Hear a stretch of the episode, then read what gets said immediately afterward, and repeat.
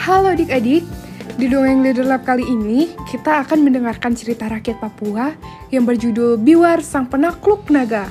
Cerita kali ini akan dibacakan oleh Kak Alin. Selamat mendengarkan. Pada daerah Papua, ada kampung kecil bernama Mimika. Penduduk hidup rukun dan damai.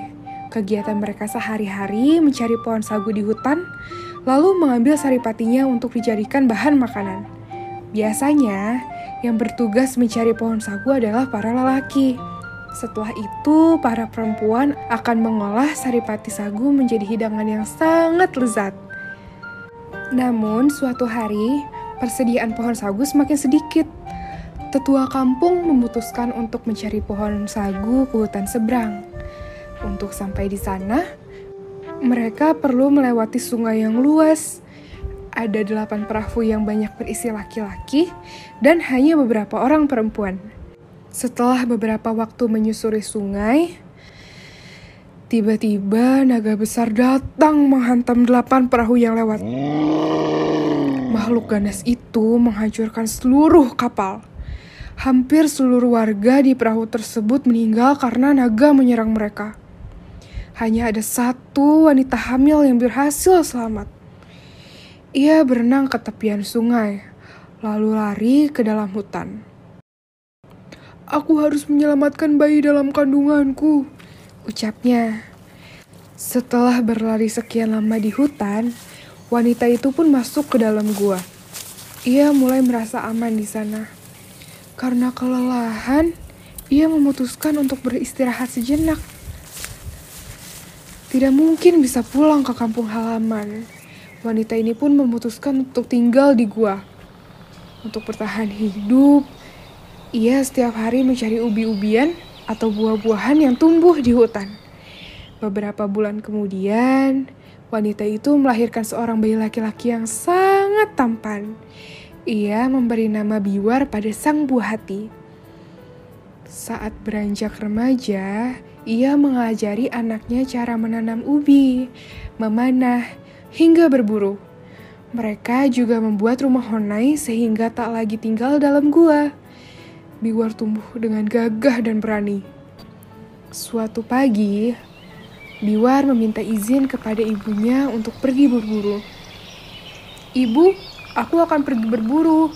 Doakan aku mendapat tangkapan yang banyak ya, Bu. Iya, Nak. Ibu selalu mendoakanmu. Hati-hati, Nak. Ingatlah pesan Ibu. Jangan kamu berburu di dekat sungai besar ya. Berbahaya. Mengapa Ibu selalu melarangku ke sana? Tidak apa-apa, Nak. Nanti Ibu akan menceritakan padamu. Sekarang, Turutilah apa kata ibu.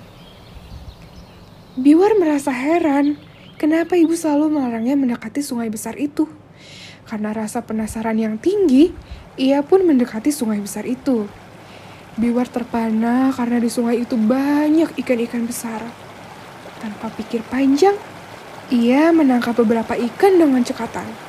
Meskipun ada rasa khawatir karena pesan ibunya, ia tetap saja menangkap ikan dengan semangat. Uh, padahal banyak ikan besar di sini. Tapi kenapa ibu melarangku ya? Apa sebenarnya yang ibu khawatirkan? Tanyanya dalam hati. Setelah mengambil ikan cukup banyak, Biwar pun pulang ke rumah dengan hati yang senang. Ibu, ibu, lihatlah hasil tangkapanku banyak. Ikannya besar-besar. Kau dapat ikan itu dari mana, nak? Tanya ibu khawatir. Maaf, Bu. Sebenarnya aku menangkap ikan ini di sungai tersebut. Ibu kenapa melarangku ke sana? Padahal ikannya sangat banyak dan besar-besar. Kenapa kau melanggar janjimu, Biwar? Ketahuilah, di sungai besar itu ada seekor naga. Naga yang telah membunuh ayahmu, pamanmu, dan beberapa warga di kampung halaman. Ucap ibu sambil bersedih. Beruntung ibu berhasil menyelamatkan diri dan bertahan hidup melahirkanmu. Mendengar kisah ibunya yang malang, Biwar meneteskan air mata. Ia tak tahu selama ini ibunya menyimpan kisah yang teramat menyedihkan. Ia memeluk sang ibu. Maka dari itu, nak, janganlah kau mendekati sungai itu. Kaulah satu-satunya yang ibu punya. Ucap sang ibu sambari mengusap air matanya. Baik, Bu. Maafkan aku telah membuatmu khawatir. Ucap pemuda itu meminta maaf pada ibunya.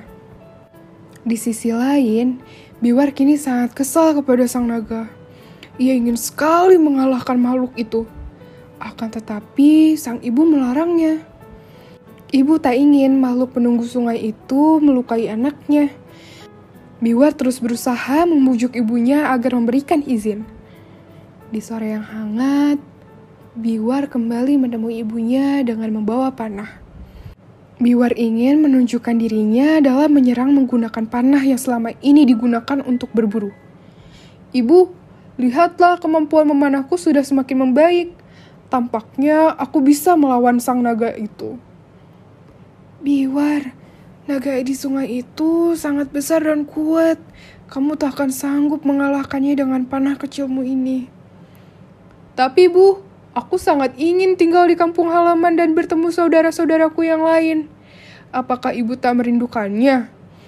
Kalau aku bisa mengalahkan naga itu, kita bisa kembali ke desa dengan menyeberangi sungai.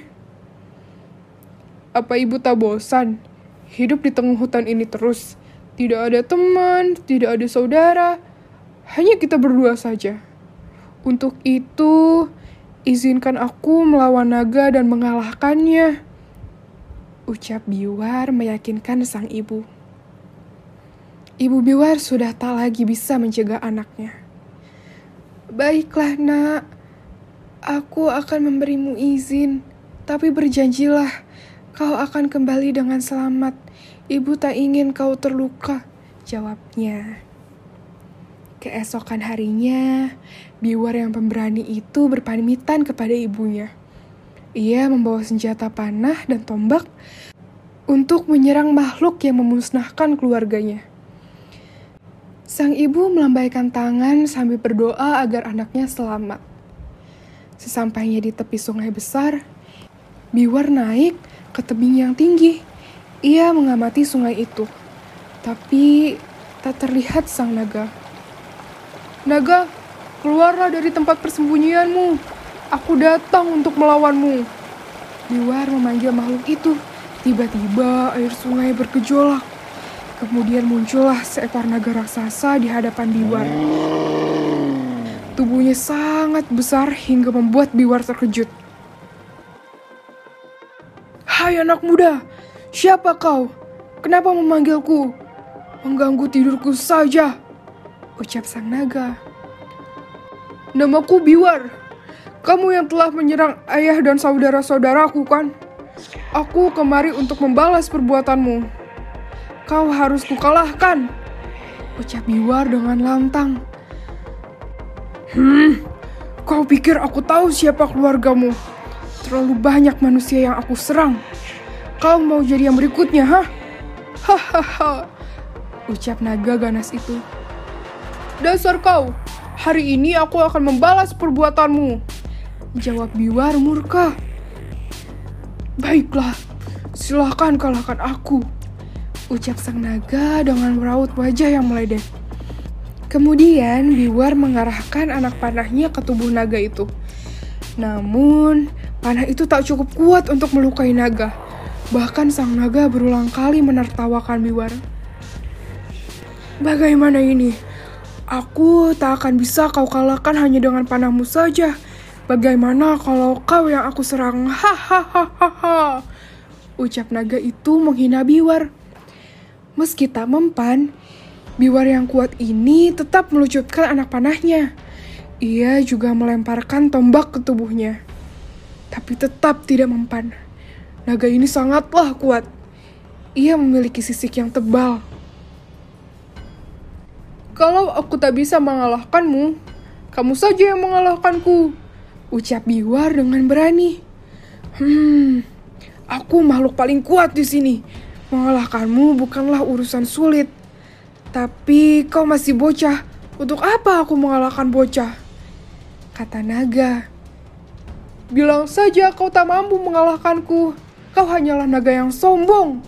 balas Biwar. Merasa tertantang, naga menyemburkan apinya ke arah Biwar. Dengan cepat, Biwar menghindari semburan api itu.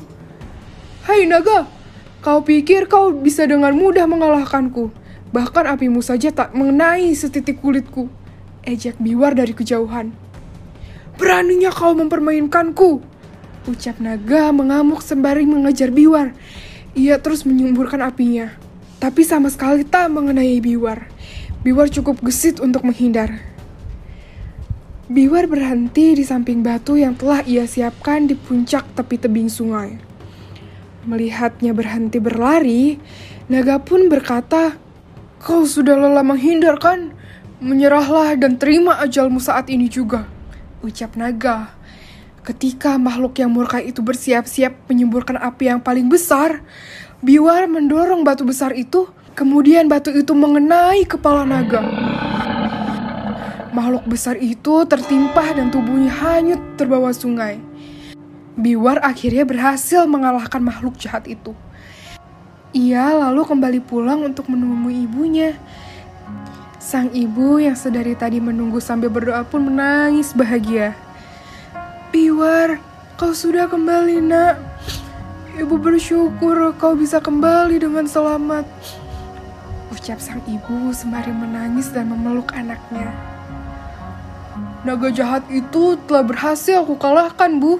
Sekarang kita bisa kembali ke kampung halaman kita, ucap Biwar. Keesokan harinya, mereka pulang ke kampung halaman. Para warga menyambut mereka dengan sukacita. Sang ibu pun menceritakan seluruh kejadian yang menimpanya. Ia juga tak lupa menceritakan bahwa anaknya yang berhasil mengalahkan naga. Sejak saat itu, para warga menyebut Biwar sang penakluk naga. Selesai.